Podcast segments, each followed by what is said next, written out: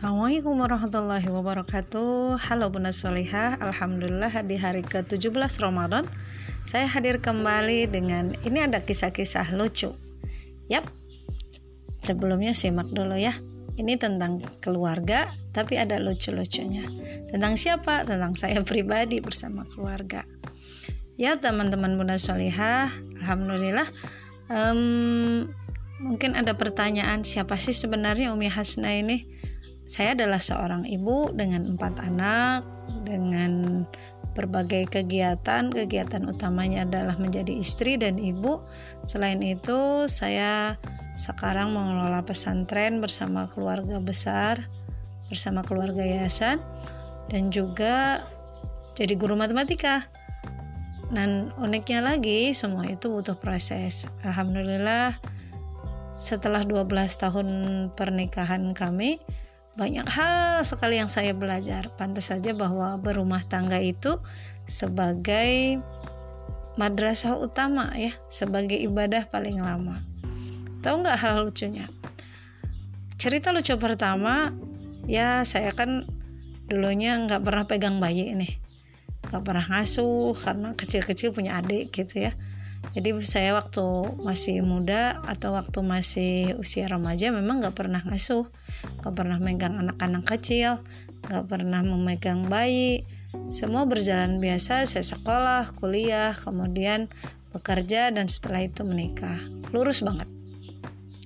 Hingga suatu masa di tahun 2009 kami, eh, saya melahirkan anak pertama ditemani ibu sama suami eh, pulang dari rumah sakit juga masih sama ibu sekitar 36 hari.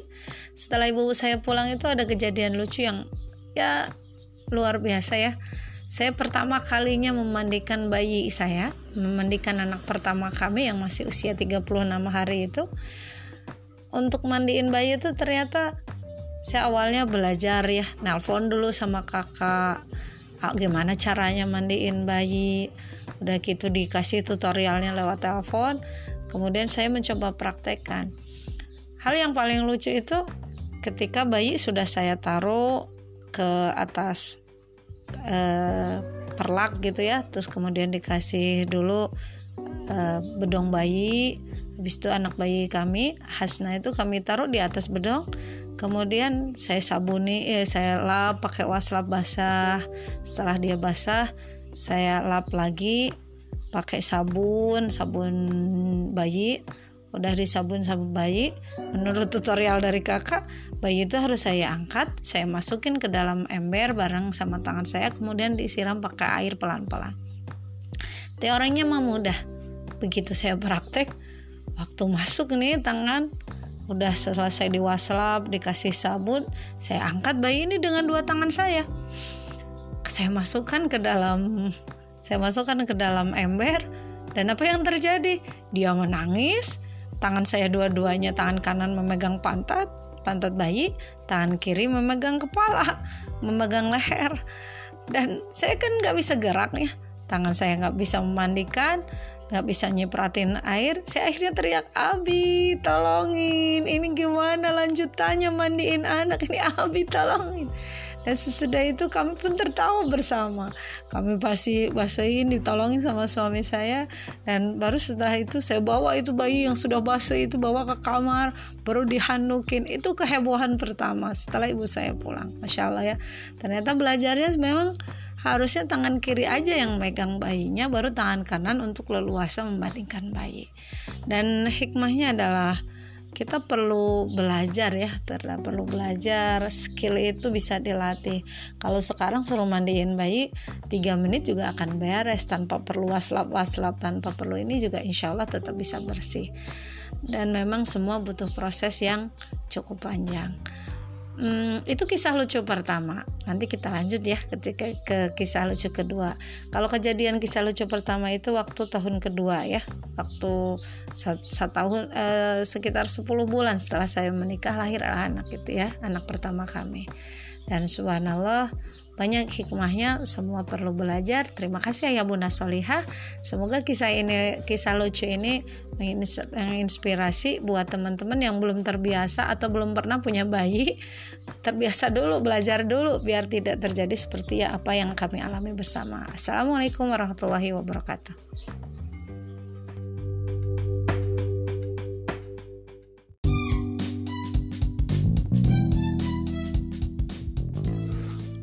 Assalamualaikum warahmatullahi wabarakatuh. Masih di kisah lucu keluarga.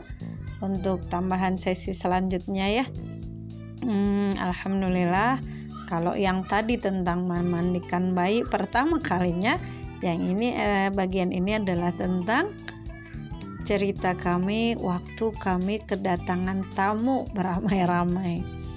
Ya kami memang pernah merantau jauh di ujung Sumatera di pesisir pantai barat uh, dekat Melaboh ya.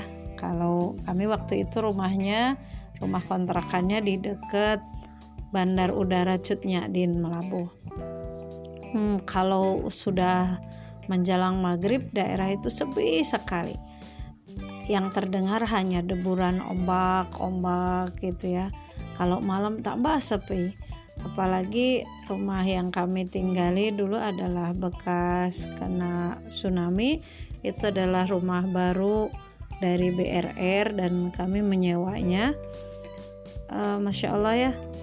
Kami Alhamdulillah punya teman-teman yang cukup akrab. Tetangga mah yang uh, tetangga kenal dengan tetangga samping kanan. Samping kiri saya tidak ada rumah samping kanan ada depan ada sekitar tiga atau empat tetangga waktu itu.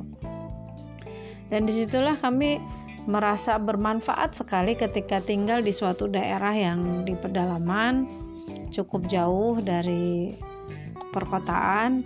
Juga ketika malam udah sepi kami memiliki teman-teman dari suatu komunitas gitu ya yang sering kadang berkunjung gitu. Dan suatu hari kami kedatangan tamu dari teman-teman komunitas itu dari teman-teman pengajian itu datang. Dan memang tradisinya ketika kami kedatangan tamu kan kami menyiapkan makanan. Nah itulah pertama kalinya kami kedatangan tamu dan saat saya masih memiliki bayi usia sekitar satu setengah bulan. Bayinya baru satu tapi rempongnya ampun masya Allah. Heboh banget kita uh, saya masih waktu itu masih ideal nggak pingin memakaikan diaper pospak gitu ya. Masih jadi ya kalau anak saya ngumpul saya gantiin tumbuk di cucian dan semuanya dikerjakan manual. Nyuci pakai tangan nah, ngambil air pakai timba kemudian kompor tanpa kompor gas kompor minyak yang kecil dan itu cuma ada satu. Waktu itu kami pingin ya masaknya pengen masak pakai tangan sendiri terus juga anaknya nggak pakai diaper kan pasti heboh banget. Dan itu pertama kalinya kami mau kedatangan tamu setelah memiliki seorang putri seorang bayi yang lucu. Dan ibunya masih lucu juga belum bisa belum bisa masak dengan cepat. Dengan satu kompor minyak itu waktu itu kami merencanakan masak apa ya Kang ya? Masak apa ya Bia itu pertama pertanyaan saya ke suami ya. Oh yang gampang aja kata suami saya masak sayur kangkung kemudian eh tumis kangkung masak telur ceplok sama masak sambal terasi. Terus kerupuknya kan beli bisa. Nah waktu kami sedang mempersiapkannya itu tamunya kira-kira nanti datangnya di jam setengah tiga siang. Kalau di Aceh jam setengah tiga itu seperti di Jakarta atau di Bandung setengah dua ya. Jadi zuhur itu sekitar jam satu siang Waktu itu jam setengah tiga kemungkinan tamunya akan datang. Kami sudah siapkan snacknya. Tinggal kami menyiapkan makan makan besarnya gitu ya, makanan pokoknya gitu. Nah waktu saya lagi siap-siap itu lihat jam, aduh udah jam setengah dua. Ini gimana? Saya sedang matik-matikin kangkung. Akang gimana ini nanti kalau nggak mateng? Uh, malu. Uh, terus nanti tamunya dikasih makan apa? Apa jawaban suami saya itu gampang banget simple banget. Dan itu di luar ekspektasi perkiraan saya gitu ya. Beliau jawabnya gampang kalau belum matang tamunya udah datang kita kasih mentahnya aja. Oh saya yang sudah tegangan tinggi udah ketakutan udah khawatir itu langsung itu oh gemes gitu ya. Dan suami saya cuma senyum aja melihat kehebohan saja ke kehebohan saya nah beliau cuma jawab gini atuh kalau gitu kita siapin aja bersama-sama. Umi mau masak apa deh? Mau masak kangkungnya diapain? Akan bantuin. Nanti kalau anak nangis gimana? Nangis aku akan digendongin deh. Nah alhamdulillah eh, berkat bantuan beliau itu ya waktu-waktu di injury time gitu sebelum tamunya datang itu udah selesai. Dan bersyukurnya apa? Uh, alhamdulillah di, walau hidup kami waktu itu tuh dengan kompor minyak yang kecil yang nyalainnya harus pakai korek api dulu dicelup dulu ke minyak tanah baru dihidupin terus mengambil air pakai timba uh, nyuci pakai tangan. Dan hidup kami jauh dari mana-mana itu kami bersyukur sekali. Ada siapa? Ada abinya yang mau bantuin yang di yang bisa memaklumi kehebohan saya yang belum bisa mempersiapkan segala sesuatunya dengan baik. Uh, dan memang di zaman itu masya Allah ya luar biasa sampai akhirnya saya bisa menikmati apa yang kami alami sekarang kami lakukan sekarang itu. Ternyata banyak hikmahnya yang dulu. Masih ada di cerita ketiganya saya selesaikan yang ini tentang kehebohan menerima tamu dan jangan merasa bahwa heboh menerima tamu atau sibuk menerima tamu itu adalah sebagai suatu kerepotan. Tapi ternyata Allah mengajarkan ke kita Nabi mengajarkan ke kita ketika kayak seorang tamu atau serombongan tamu datang ke rumah kita dia membawa keberkahan dan mengeluarkan bala dari rumah kita mengeluarkan mara bahaya dari rumah kita. Demikian assalamualaikum warahmatullahi wabarakatuh you